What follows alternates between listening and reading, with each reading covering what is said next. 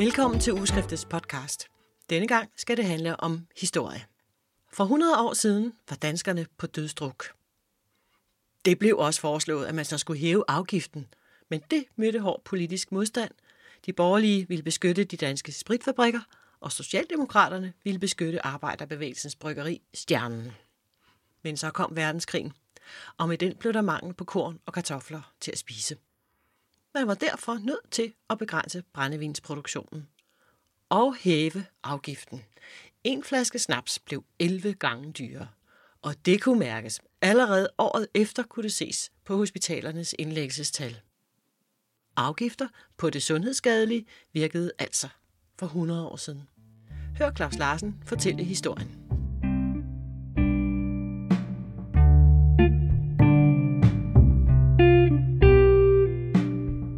Hvorfor drikker Jeppe? Det er næsten 300 år siden, at Holberg skrev den tragiske komedie om Jeppe på bjerget. En underkuget og fordrukken festebonde, som har været menig soldat i en af de mange krige med svenskerne, og nok havde det, vi i dag kalder PTSD. Nå, men Jeppe drak og svirrede. Han fik delirium og endte via baronens seng ude på mødingen. Holberg fik gjort opmærksom på det umådeholdende drikkeri på samfundets bund. Almuen drak sig fordærvet, og det fortsatte den med at gøre de næste 200 år. Udover åbenlyse helbredsmæssige følger, havde drikkeriet også store sociale omkostninger og var med til at holde underklassen fast i fattigdom og elendighed. Ved slutningen af 1800-tallet var øl og brændevin en hævdvunden del af den daglige kost i byer på land – Børn og voksne bællede øl i spandevis, da vandet de fleste steder var sundhedsfarligt at drikke. Brændevin indgik også som en del af den daglige kost. Danmarks første afholdsforening blev stiftet omkring 1840 af officeren og skolelæreren Ole Syversen. Og han havde en klar definition af mådehold. Ifølge Syversen drak en mådeholden mand to-tre snapse til hvert måltid, altså 8-9 stykker dagligt – for uden øllet naturligvis. På den måde var det jo ingen sag at være modholdende. Men man skal huske på baggrunden.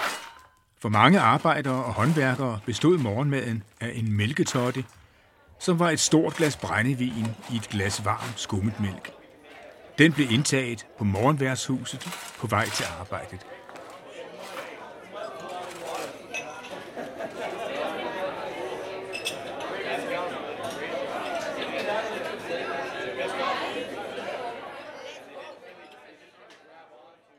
Ved slutningen af 1800-tallet var den almindelige ugeration for en voksen arbejder 3-4 flasker brændevin, og omkring 1880 var befolkningens årlige alkoholforbrug per person 17,5 liter. For mænd over 20 var forbruget 67 liter om året. Produktionsomkostningerne var lave, og det afspejledes i prisen. Omkring 1900 kostede en flaske brændevin helt ned til 40 øre – der blev drukket igennem på arbejdet, også af øl. Og værre blev det, da det tynde folkeøl fra 1870'erne fik konkurrence af Brygger Jacobsens meget stærkere bayerske øl. At være afholdsmand var op ad bakke. Det fornemmer man klart, når man hører, hvad muresvenden Peter Nissen fortæller om druk på arbejdspladsen i slutningen af 1800-tallet. Det gik hårdt til med drikkeri på arbejdspladserne, Spiritus var så forbandet billig dengang. En bajer kostede 12 øre, en flaske brændevin 25 øre, en kaffepunds lavet af kaffe, sukker og brændevin kostede 15 eller 18 øre, og så var brændevinsflasken endda sat på bordet, så vi kunne hælde af den i kaffen efter behag. Når vi kom i gang med at drikke øl og brændevin på arbejdspladserne, kunne der gå hele dage, hvor vi ikke bestilte noget. En anden murer, som hed Rasmussen, var faktisk selv afholdsmand – og prøvede at holde fanen højt på byggepladsen. Men drukkulturen var en hård modstander. Hør bare. En dag, da vi var på værtshus, bestilte alle svendene kaffe med brændevin, men jeg bestilte kaffe med vinerbrød. Og så var den jo galt igen. Har man nogensinde set en mursvend drikke kaffe med vinerbrød? Formanden forlangte, at jeg skulle jages væk, da det ikke kunne være bekendt, at jeg arbejdede sammen med en svend, der drak den slags pigepatte. Lægerne var på det tidspunkt begyndt at interessere sig for folkesundhed og forebyggelse. De kunne jo se, at en stor del af indlæggelserne skyldtes arbejdsulykker på grund af fuldskab. En stor del af indlæggelsesprotokollerne anfører også delirium tremens som hyppig indlæggelsesgrund. Og desuden var de sociale problemer, der skyldtes alkohol, meget synlige. Det massive drikkeri udgjorde ikke bare et sundhedsproblem, det var også med til at fastholde underklassen i dyb armod. Der måtte altså gøres noget. Det mest nærliggende ville være at gøre brændevinen dyrere, og fra dele af arbejderbevægelsen, fra afholdsfolkene og fra lægerne voksede presset på politikerne for at hæve afgiften på brændevin. I 1887 lagde rigsdagen skat på øl samt en afgift på 18 øre på hver flaske brændevin. Men det var ikke nok til at dæmpe forbruget, og derfor prøvede man igen med forsigtige, trinvise afgiftsstigninger. I 1912 var afgiften på 60 øre per flaske, men Venstre og Socialdemokratiet ville ikke gå med til forhøjelser, der virkelig kunne gøre en forskel. Socialdemokraterne slog i bordet. De, der selv svælgede i konjak og champagne, skulle holde fingrene fra den fattige mands snaps. Men omkring århundredeskiftet havde en ny magtfuld alliance set dagens lys. Læger og myndigheder havde fundet sammen i et nært samarbejde om at bekæmpe tuberkulosen, som var en folkesygdom. Folkesundhed var blevet et politisk prioriteringsområde. Sideløbende med arbejdebevægelsen voksede afholdsbevægelsen, og i begyndelsen skete det i gensidig forståelse. Men da arbejdebevægelsen i 1902 grundlagde det kooperative bryggeri Stjernen, var forholdet til afholdsbevægelsen blevet noget anstrengt. Arbejderbevægelsens ledelse havde ingen interesse i at få medlemmerne til at lade ølflasken stå. I 1903 havde Venstre-regeringen nedsat en såkaldt ædruelighedskommission. I 1907 fremlagde den en betænkning, som blandt andet noterede, at lægernes kampagner for at overbevise befolkningen om en sundere levevis ganske vist havde ført til et mindre fald i alkoholforbruget. Men kampagner var slet ikke nok, og kommissionen foreslog derfor også andre muligheder for, som det hed i betænkningen, at påvirke samfundsborgeren til større ædruelighed. Kommissionen pegede på, at prisen på alkohol var en vigtig faktor, men politikerne tøvede. Socialdemokraterne havde jo deres bryggeri at tænke på. Også det konservative Højres rigsdagsgruppe var imod. De advarede imod formynderi, og så var der jo også hensynet til erhvervslivet. Og erhvervslivet var i den forbindelse erhvervsgiganten C.F. Titgen. Han havde grundlagt de danske spritfabrikker i 1881, og lige siden havde han været garant for, at strømmen af brændevin aldrig tørrede ind. Men i sidste ende bøjede Torvald Stavnings socialdemokrati sig, da regeringen foreslog, at man skulle bruge afgiftsprovenyet til at sænke priserne på basale fødevarer.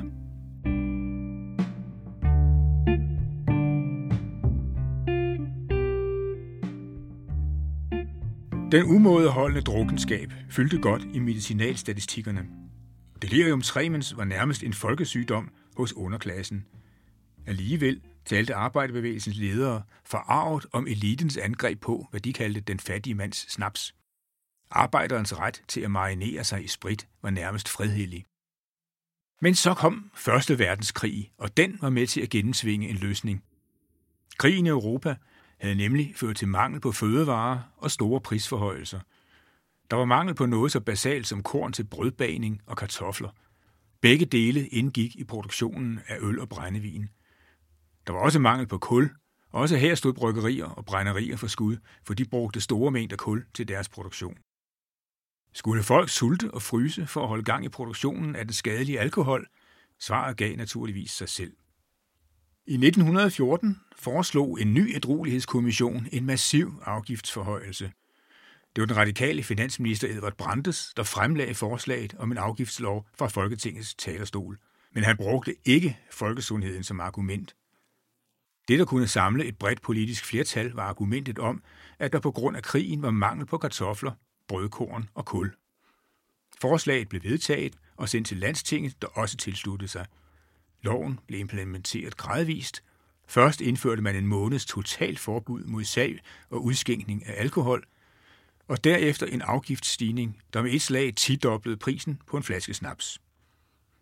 Indgrebet virkede. I hvert fald for en tid.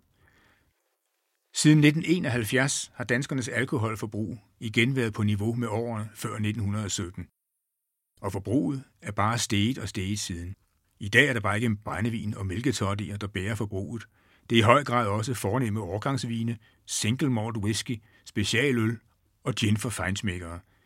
For ikke at nævne den industrialiserede ungdoms dødsdruk på Crazy Daisy og Sunny Beach. Pointen i alt dette er, at afgiftsforhøjelser virker. Den dramatiske afgiftsforhøjelse, der trådte i kraft i marts 1917, havde øjeblikkelig effekt.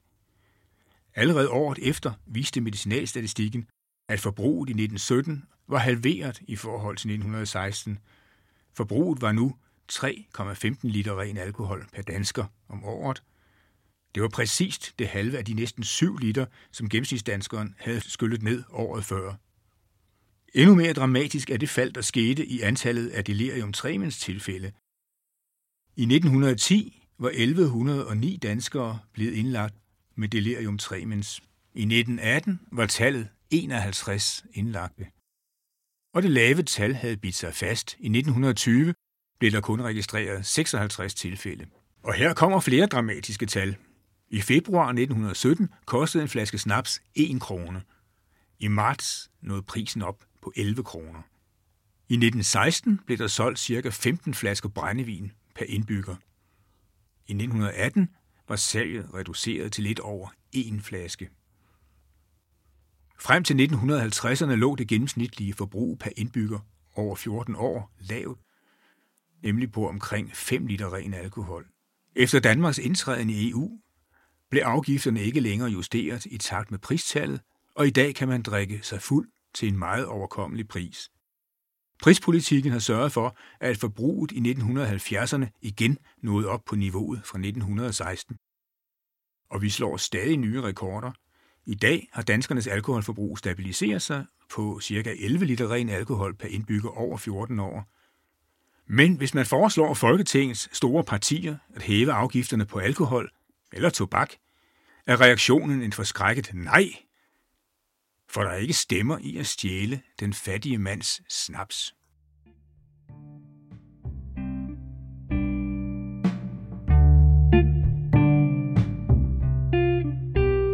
Ugeskriftets podcast er slut. Programmet var produceret af Katarina Møllerod. Husk, du kan abonnere på Ugeskriftets podcast. Det sker på iTunes eller en anden podcast tjeneste. På genhør.